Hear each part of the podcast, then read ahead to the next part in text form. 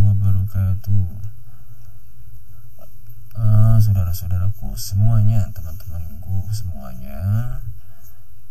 Uh, Terjemahan Al-Quran yang akan dibacakan Yaitu surat Al-Kafirun.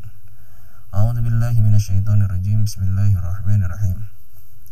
Katakanlah Nabi Muhammad Wahai orang-orang kafir Aku tidak akan menyembah apa yang kamu sembah Kamu juga bukan penyembah apa yang aku sembah.